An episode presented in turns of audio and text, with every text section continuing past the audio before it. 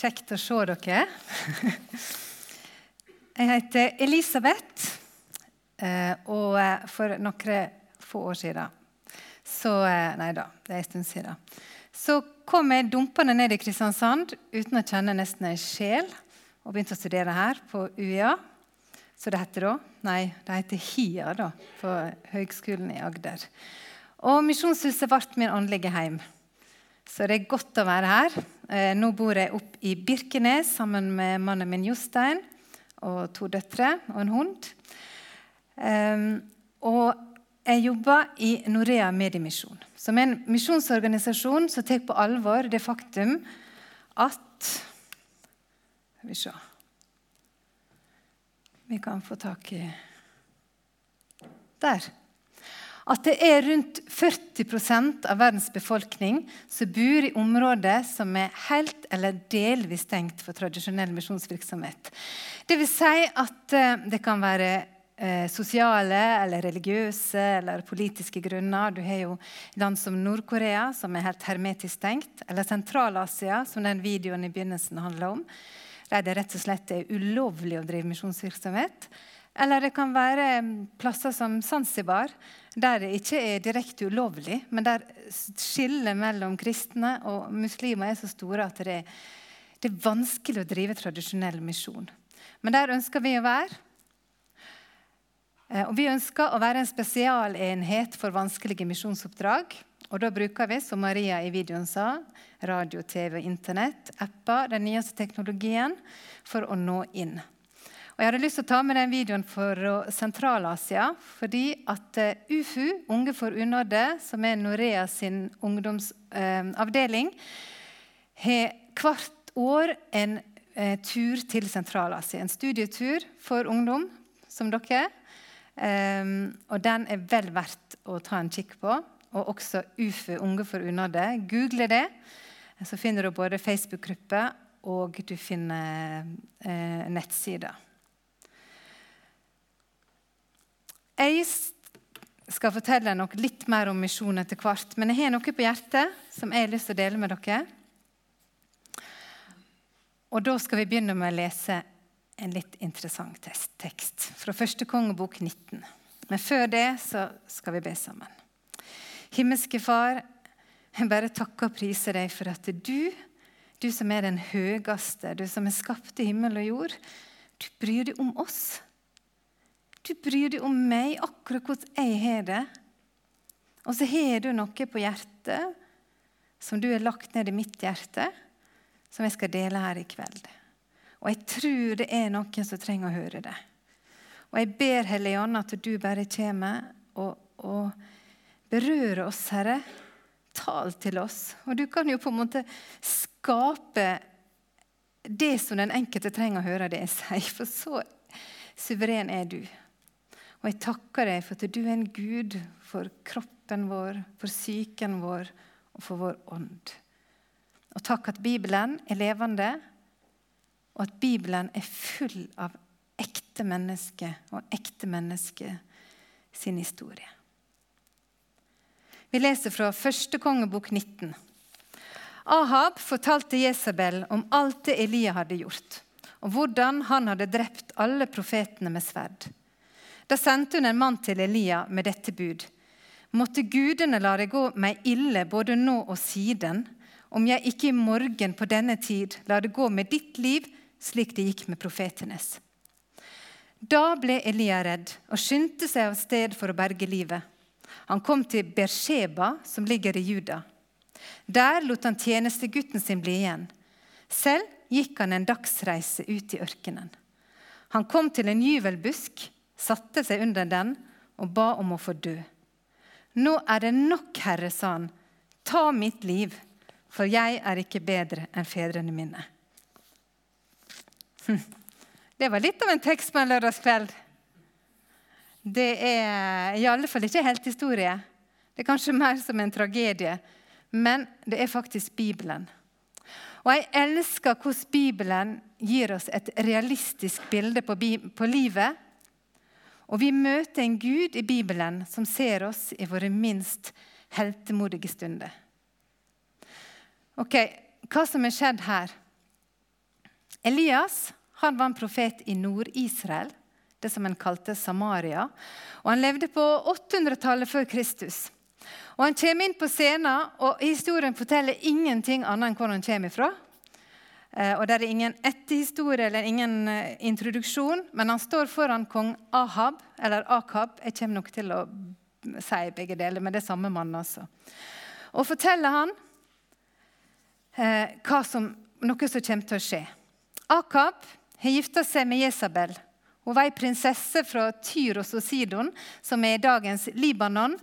Og det står det um, både vi kan lese om i Matteusevangeliet og også i, i oldtidshistorie, at det var et område der det var veldig mye åndsmakter, okkultisme og avgudsdyrking. Baal av gudsdyrkinga sto veldig sterkt der. Og Ahab han var en svak konge på mange måter. Jesabel var svært innflytelsesrik. Så hun tok med seg 450 profeter, Baal-profeter på flyttelasset inn i Samaria og klarte på få år å innføre Baal eh, eh, religion som hovedreligion i Nord-Israel. Hun fikk, eh, fikk revet alle, alle offerplasser for, eh, for Gud. Eh, og det, var, eh, det ble på en måte sånn offentlig statsreligion, Baal. De profetene som tilhørte Gud, de, de ble slakta ned.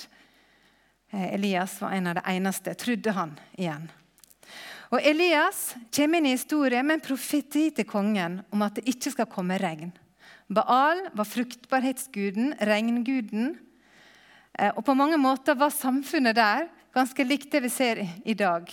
Kroppen er viktig, sex osv. Um, ehm, og så går det tre år etter han kommer med denne profetien. Så kaller Gud han til en stor oppgave. Dette her er jo stjernehistorien blant alle på søndagsskole. Han ber Akab samle folket, hele israelsfolket i, altså i Nord-Israel til å komme opp på Karmelfjellet, et fjell som var en gammel offerplass for Gud. Og Der var det jo også revet ned alteret som hadde vært der for den levende Gud. Og Der sa han nå skal vi for en gang for alle vite hvem som er Gud. Er det Baal eller Gud? Og dette her er et fjell som ikke er sånn som vi ser for oss på Vestlandet, med disse her tindene, men det er store fjell. Store flate som går ned i Middelhavet, og ca. to mil inn på det fjellet så ligger altså denne plassen her. Og det som skjedde med denne folkevandringa til dette fjellet Og det var jo 800 profeter. Det var 400 Baal-profeter, og så var det Ashera-profeter. Og dere, Noen av dere kjenner nok den historien. Disse her Profetene roper på sin Gud, risper seg i huda, går, får ekstase, og de gjør alt de kan for å få, få eh, oppmerksomheten til regnguden Bar, men ingenting skjer. Og Så kommer Elias alene. Han har nok vært her mange dager allerede. Og kanskje leter etter disse steinene som hadde blitt revet ned. Og Så bygger han dem opp tungt arbeid. Tolv steiner. Så grev han egenhendig ei grøft rundt. Tungt arbeid. Henter vann. Eller det står egentlig ikke at han gjorde det, men det tørker. Det har vært tørke i tre år. De må jo ha reist i Middelhavet. Altså, her er det mye spenning i lufta. Og så er det enkel bønn. Og Gud sender ild fra himmelen, som fortærer offeret, steinene, vannet, alt. For en maktdemonstrasjon! Og det blir jo vekkelse, eller iallfall en mulighet for vekkelse. Folk faller ned på kne og sier 'Gud er Gud', og Baal-profetene ble drept. Og så står det at Elias løper foran vogna til Ahab, til Jesrel, som er hovedstaden der Jesabel bor. Og der er liksom hovedstaden for denne her gudsdyrkelsen. Full av sjøltillit. Han som han var jo forfulgt. Han hadde en pris på sitt hode allerede. Han hadde levd i tre år med, med forfølgelse. Eller iallfall at eh, folk lette etter han. Og Så kommer vi inn i kapittel 19. Rett fra høye Guds kraft, rett fra åndelige, kraftige manifestasjoner til en forfulgt Elias som er livredd. Han rømmer ut i ørkenen. Så lot han tjeneren sin, han som skulle ta over, han som var staben hans, stå igjen. Han, eh, han ville ikke mer. Han så ikke noen grunn til å fortsette denne tjenesten. Han ville dø. Og Jeg leste at noen mener, teologer, da, at de som redigerte første kongebok, de må jo ha gjort en feil. Er det, det, er ikke mulig liksom, at en som er så full i Guds kraft, en som har sett Gud sende ild fra himmelen. Og før det så hadde han jo opplevd å få mat av ravne med med en bekk, og han hadde, han hadde eh, vært med og og gjort sånn at en gutt fikk liv igjen. Tenk på alt han hadde opplevd, alt han hadde sett. Han, og til og med når han var på fjellet, der, så var han så høy på åndelig sjøltillit at han gjorde narr av Balfor-profetene og mente det at det guden der var ute på do. Det er egentlig det som står i, i grunntekstene. Og nå Ja, det kan det være samme mann. Han vil bare dø. Ikke det at han ville ta livet sitt, men han ville bare dø. Kan det være samme mann? Kan ikke det det, da? Kjenner du en eneste person kan du begynne med deg sjøl, da, som aldri har vært så langt nede at du ikke ser noen utvei? Deprimert, utbrent, utslitt. Ja, du har opplevd ting med Gud, men jammen det kan det være mørkt. Jeg er der. Jeg har vært der. I mars i år så var jeg der så det suste. Jeg levde med Jesus i mange mange år. Jeg tjente han både som misjonær og misjonsarbeider. Jeg tjente han i lokalmiljøet mitt og i familien min. Og jeg opplevde så mye med Gud. Men i mars, da smalt det. Da begynte jeg å grine, og så grein jeg ei uke og så ikke noe utvei. Og disse månedene med oppturer og nedturer så oppdaga jeg historien om Elias. Hvordan kan en som var så høy av kraft og Guds nærvær, falle og være så menneskelig? Jo, for Bibelen er full av vanlige mennesker. David står jo at han var en Guds mann. Jammen det falt han så det sang etter. Og eh, mennesker som blir kalt helter, men som er mennesker. Og Jakob, Jesu bror, han sier i sitt brev i kapittel 5 at Elias var en, et menneske under samme kår som oss. Og Det er det som gjør kristen tro og Bibelen så realistisk. Det er ingen heltekvad av ufeilbarlige mennesker eller en høyt opphøyd Gud langt vekke fra våre menneskelige behov. Hva som hadde skjedd med Elias? Han var utslitt. Han var totalt utslitt. Tenk på hva han hadde vært gjennom, fysisk, mentalt og åndelig. Den fysiske påkjenninga gå rundt i varmen og lete etter disse steinene, bygge, grave. Og påkjenninga på vil Gud svare, vil Gud sende regn? Sju ganger sendte han tjeneren sin av gårde for å se blir det regn. For ei påkjenning. Og bare det å leve i dette her, den åndskrafta og åndsmakta En kan bli utslitt. Og så ga han opp sin åndelige identitet. Han satte igjen tjeneren sin. Du blir her. Jeg gir opp. Og hvordan Gud møtte Elias og hans behov i denne nedturen, har vist meg at Gud er en Gud som er svært realistisk. En Gud som bryr seg om mine fysiske, mine psykiske og mine åndelige behov. Og Det hadde jeg lyst til å vise dere. Første Tessalonika-brev 523 sier Paulus. Må Han, fredens Gud, hellige dere helt gjennom, og må deres ånd, sjel og kropp bli bevart uskadet. Gud bryr seg om ånd, sjel og kropp. La oss se videre på historien i første kongebok. Jeg vil se om jeg klarer å få kontakt. Ja. Jeg kommer ikke til å lese det. Men nå, bare for å vise dere at det faktisk står i Bibelen, så står det her, og så skal jeg fortelle litt. Hva skjedde med Elias under juvebusken? Han ville bare dø. Og Så legger han seg ned, utslitt sovner. Det første som skjer, er at Gud møter Elias gjennom en, en engel. Og hva gjør denne engelen? Han tar på Elias, og så lager han mat. Tenk på det. Er ikke det kult? Ingen leksjon, ingen tale, ingen terapi. Men søvn, berøring og mat. Gud ser de fysiske behovene våre. Når vi møter mennesker som er utbrent, utslitt ja, møtt veggen, som vi kaller det, så har vi som kristne så lett å tenke for at vi må finne på noe å si. Vi må komme med et Guds ord. Eller kanskje vi skal si Har du proklamert Guds løfte nok? Har du bedt nok? Har du, har du virkelig, Er det noe synd i livet ditt kanskje som hindrer deg nå når du er så utbrent? Er det alt rett med Gud? Eller kanskje vi mest sier det til oss sjøl. Jeg veit ikke. Jeg kjenner meg iallfall igjen. Men engelen sa ingenting. Han berørte, han ga mat. Vi trenger hvile for kroppene våre. Av og til når vi er deprimerte, utslitt, kanskje det er bare hvile vi trenger. Eller noe vakkert. God mat, god nat natur. Kanskje vi trenger å bli møtt på vårt fysiske. Og jeg synes Det er det som er så fint med kristendommen, at det er den eneste religionen der kroppen har stor betydning. Det er ikke sånn at vi skal bli fri fra kroppen.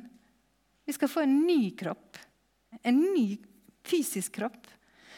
Og Gud, han valgte jo å bli Gud med hud. Vi skal jo feire jul snart. Gud ble menneske med kropp, med behov for hvile, for berøring. Og så står det at Gud, han, som Jesus, han var prøvd i alt. Og Gud veit hvordan det er å ha det vondt. Og han griner med oss når vi får smerte, fysisk eller psykisk. Når våre grenser blir trampa over, når vi blir krenka, eller når vi ikke blir friske fra det som plager oss. Og så bryr Gud seg sånn om denne her kroppen at han kaller den et tempel. Og at når Jesus reiste hjem til sin far, så tok han bolig inni her. og så er vi i tempel. Og, og, da blir Gud med hud et litt nytt. Eh, får litt ny betydning. For det er meg og deg. Elias møtte en engel. Men kanskje vi trenger å møte hverandre. Gud med hud. Fellesskap. Hva skjedde videre? Det andre punktet jeg vil si, er at Gud har god tid. Han fikk mat en gang til. og Styrka av det så ble han sendt ut i ørkenen i 40 dager og netter. Jeg har lest at det tar egentlig bare ti dager dit til det Horeb, til det fjellet han kom til. Men Gud hadde tid nok til å la Elias rusle rundt der i 40 dager og 40 netter. I vår kultur så har vi aldri god tid. Studiet skal bli ferdig på normert tid. Eh, du bør helst eh, få barn før du er 30. Ja.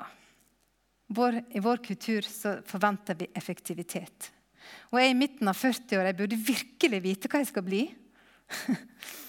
Men Gud har god tid. Han har tid til å la en bli lega. Av og til må vi vente, og det er vers på vers i Bibelen om å vente på Han. Og det er forferdelig vanskelig. Jeg driver og venter nå, og det er veldig vanskelig lærdom. Corrie ten Boom hun overlevde konsentrasjonsleirene i andre verdenskrig. Jeg kan google henne hvis dere ikke vet hvem hun er. Hun var 56 år når hun begynte ja, cirka, eh, en verdensomspennende forkynnervirksomhet. Marie Monsen, en eh, kinamisjonær eh, Jeg er ikke så gammel at jeg husker disse her, altså, bare så det er sagt.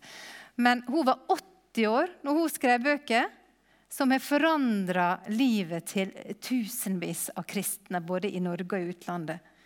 Moses, da, når han var i 40-åra, så var han avhengig av sin svigerfar og drev og gjette deres hans dyr.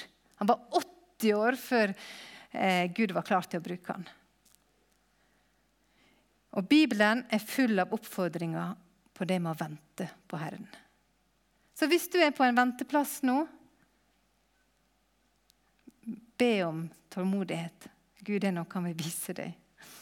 Det tredje Gud ser dine psykiske behov. Han gikk inn i ei hule, da, Elias, på natta. Og så kommer Herrens ord til han, og så sier han, 'Elias, Elia, hva gjør du her?' ja, Som om Gud Visste ikke Gud hvorfor han var der? Er ikke Gud allvitende? Når Gud stiller et spørsmål, så er ikke det for at han vil vite, for at han trenger å vite det. Det samme som når vi blir oppfordret til å be. Det er ikke det at Gud ikke vet hva vi, skal, hva vi trenger. Men han vet at for vår psykiske helse og for, for vår sjel, altså vår personlighet, så trenger vi å sette ord på det vi strever med. Og Elias gjorde det. Han fortalte, han klaga. 'Jeg er aleine. Ingenting ble som jeg hadde tenkt, og nå vil de til og med drepe meg.' To ganger spurte Gud, og to ganger fikk Elias lov til å si akkurat det samme. Og Jeg ser for meg Gud som en pappa som tåler at jeg dunker i brystet hans sinne, og bare sier om og om og om igjen. Og dette året her jeg har ikke talt på alle turene jeg har gått i skogen og ser liksom OK, Jesus, nå er du her med meg, og nå hører du hva jeg har å si. Og så får jeg lov å fortelle fortelle fortelle. fortelle, fortelle. Gud bryr seg om de syke. Han er ikke en sånn svevende fyr som, som bare er opptatt av liksom å få ånda di til himmelen. Han vil, det, han vil lytte til deg. Og igjen Gud, han bor i oss. Og vi som fellesskap må også åpne opp for mulighet til å lytte til hverandre. Ikke komme med alle svar. Bare si til dere mannfolk vi damer liker ikke å bli fortalt hva vi skal gjøre. Vi vil gjerne bare fortelle. og sånn er det også, det å få lov å dele. Og så så nå tror jeg vi må på neste. Jeg er ikke sikkert jeg klarer å lese dette, her, men det viser iallfall at det står i Bibelen. Hvis jeg får, Du kan ta neste, sikkert. Der, ja. Ja, tilbake igjen. Så sa Herren, og det har jeg lyst til å lese. Gå og still deg opp på fjellet for Herrens ansikt, så vil Herren gå forbi. Foran Herren kom en stor og sterk storm som kløvde fjell og knuste klipper. Men Herren var ikke stormen. Etter stormen kom en jordskjelv, men Herren var ikke jordskjelvet. Etter jordskjelvet en ild, men Herren var ikke ilden. Etter ilden lyden av skjør stillhet. Gud ville møte Elias, og så viste han at han ikke kom med de store manifestasjonene jordskjelv, ild og storm. Men det har vi sett i Bibelen, at Gud kan vise seg sånn. Det var jo som jordskjelv når, når, de første, når de disiplene i begynnelsen ba, f.eks. Eller når Moses møtte Gud i den brennende tornebusken. Det var ild. Men disse her store naturkreftene er ofte tegn på dum. Men det var ikke det Elias trengte. Gud viste seg i ei skjør stillhet. Og I en engelsk oversettelse der står det så fint A still small voice ei stille stemme. Og Jeg har måttet lære, og jeg driver fortsatt, å høre etter denne stille, skjøre stillheten. Der Gud møter meg. Der jeg, der jeg ikke trenger å prestere. Der jeg bare er Guds datter på hans fang og venter. Gud kunne møtt Elias med jordskjelv, ild og storm, altså som straff. For hva var det egentlig som hadde skjedd? Jeg vet ikke akkurat om jeg har sånn teologisk eh, grunnlag for å si dette, her, men han hadde jo på en måte svikta kallet sitt. Tenk da! Der var altså det hele israelsfolket på dette fjellet. Og de bare sa 'Gud er Gud', og så stikker Elias. han kunne jo han ha vitna for dem. Og det var, det sier Gud senere, det kan dere lese hvis dere vil videre i, i første kongebok 19, at det var 7000 profeter som ikke hadde bøyd seg eller 7000 som ikke hadde bøyd seg for Baal. Og De hadde sikkert begynt å komme ut av disse hulene der de hadde gjemt seg disse årene her, og så venta på profeten med stor P. Og så Nei, han var ikke der. Elias hadde svikta kallet sitt. Og han var deprimert, alene og utslitt. Og så møter Gud han i stillhet, i nådens stillhet. Så blir han møtt med Guds ord, Guds nærvær. Og så får han et nytt kall. Og Det kan dere lese om sjøl hva det kallet er. Men det begynte med 'gå tilbake den veien du kom', og så ta veien gjennom ørkenen til Damaskus. Et nytt kall, et nytt oppdrag. Gud er en Gud som ser hva du trenger. Til din kropp, til din sjel, til din syke, altså, og til din ånd. Jesaja 57, 15 står det. Så sier Han som er høy og opphøyd, Han som troner evig. Den hellige er Hans navn. I det høye og hellige bor jeg, og hos den som er knust og nedbøyd i ånden. Jeg vil gi ånden liv hos dem som er bøyd, og gi hjerteliv hos dem som er knust. Nei, jeg må hjelpe deg. Skal vi se. Neste. Jeg var nettopp til Zanzibar. Det er et av de områdene, plassene der Norea Mediemisjon driver arbeid. Eh, jeg er ansvarlig for et kvinnearbeid som heter Håpets kvinner. Og Det har vi drevet på Zanzibar og i Tanzania nå i ti år. Zanzibar er en tidligere eh, slavemarked. Og Det var bønnerop fra flere vinereer som kunne høre. Og mange kvinner var dekka i svart fra hode til, til fot. Og I århundrer har arabisk eh, og muslimsk innflytelse prega arkitektur, mattradisjoner og religion.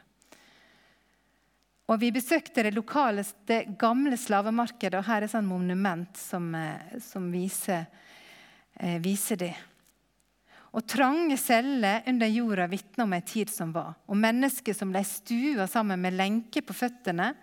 Og de som overlevde, ble sånn som slaver og, og solgt til fjerntliggende plasser. Og Zanzibar er jo bare ei fantastisk nydelig øy. Og det var veldig interessant, for det akkurat samtidig som jeg var der, så var det ei jeg kjente som var på Zanzibar. Hun la ut daglig bilder av kokosnøtt og palmer og snorkling og strender. Jeg så ikke akkurat det bildet, selv om jeg bada, jeg også. Jeg møtte kvinne på kvinne på kvinne som fortalte om vanskelige liv. Som fortalte om smerte, som fortalte om lidelse. Både fordi de var kvinner i en mannsdominert kultur, men ikke minst fordi de var kristne. Jeg møtte Elisabeth, som 16 år gammel ble voldtatt. Og når hun gikk til politiet og for retten, så fikk hun ikke oppreisning fordi hun var kristen. Fordi det er 97% muslimer på Zanzibar, og de kristne opplever forfølgelse og press. Jeg hørte om unge jenter som ikke fikk gå på skole fordi at eh, det var eh, Når de visste at de var kristne, så fikk de rett og slett ikke skoleplass. Jeg, hørte om, jeg møtte Paulina, som mista jenta si Nei, barnet sitt. jeg vet ikke, Jo, det var ei jente. Hun ble eh, kidnappa. Og når hun gikk til politiet, så var det hun som ble slengt i fengsel. Eh, og Så fant hun igjen barnet sitt etter hvert, som var blitt maltraktert. Og jeg møtte Pudensiana. Og alle disse kvinnene her kan fortelle om vanskelige liv. Og jeg sitter og tenker hvordan kan du overleve? Og Noen fortalte at de har vært veldig deprimert. Men så forteller de om hvordan de eh, får styrke. Og de møter en Gud som ser dem fysisk, som ser dem psykisk, og som ser dem åndelig. Pudensiana her hun hadde jeg hørt om før, for jeg har sett henne på en video. den skal dere få se nå straks. Så jeg visste at hun hadde hatt et vanskelig liv eh, pga. Eh, hiv og aids. Men det å møte Pudensiana og, og klemme på henne å høre hennes historie det gjorde et ufattelig inntrykk. For det strålte av Pudensiana. Hun eh, hadde mista jobben pga. sykdommen, og, og, sånne ting, men så hun uh, livnærer seg med å selge små poser med peanøtter. Jeg holder det i handa der. Og Hun var så ivrig etter å fortelle vitnesbyrdet sitt at hun kom etter oss til en ny plass når ikke vi rakk å høre det på den første plassen. Uh, for i Håpets kvinner da er det bønnegruppe, og det er det blitt mange av nå på Zanzibar etter flere år. Og det er radioprogram som er laga for kvinner som vitner om Jesus. Så de kan høre om de er muslimer eller kristne. Og Den lille vevre skikkelsen sto på talerstolen og vitna og løfta armene sånn og sa jeg blir sterk, jeg blir sterk. Og så forteller hun hvor Guds ord gjør henne sterk. Og så opplever vi gang på gang når noen var oppe og fortalte historien sin, for vi trenger å dele. Vi trenger å dele hva vi har vært igjennom. Og når noen, lei, når noen, begynte å gråte, så var det alltid noen som kom og holdt rundt henne. Og jeg bare tenkte ja, det er Gud med hud. Fellesskap som gir styrke. Og pudensianer lever ånde for å vitne om Jesus og hans kraft til dem hun møter. Hun er en av de få kristne eh, som bor på Zanzibar. Og det å se hennes frimodighet til å vitne til alle hun møtte, og selv om hun stigma det er å leve med hiv, så hadde hun en sånn frimodighet. Og, og det å få møte de kristne her, det gjorde sånn så mye med meg. Og jeg fikk lov til å bli minnet om denne Gud som jeg får tro på, også når jeg har det vanskelig, og at han vil bære. Når, jeg, når jeg så hva Gud gjorde med dem, så vet jeg at han kan bære meg også. Og Historien om Elias minner meg om hvor mye jeg trenger Gud. At han ser til mine fysiske, psykiske og åndelige behov. Og hvor jeg trenger Guds inngripen, hvor jeg trenger hans trøst. Hvor jeg trenger at det er noen mennesker, Gud med hud, som er engler, som kommer og bare gir meg en klem når jeg har det vanskelig. Eller at noen jeg kan dele min historie med. Og jeg veit at Gud møter meg med nåde. Nåden, stillhet og ikke dom. For i Jesus er det ingen dom. Men det er en oppreisning og nytt kall. Og så har Gud gitt meg øre til å høre hans stillhet, til å ta vare på meg sjøl slik han ønsker at jeg gjør det, og til å vente i stillhet hos Jesus til han ber meg å gå.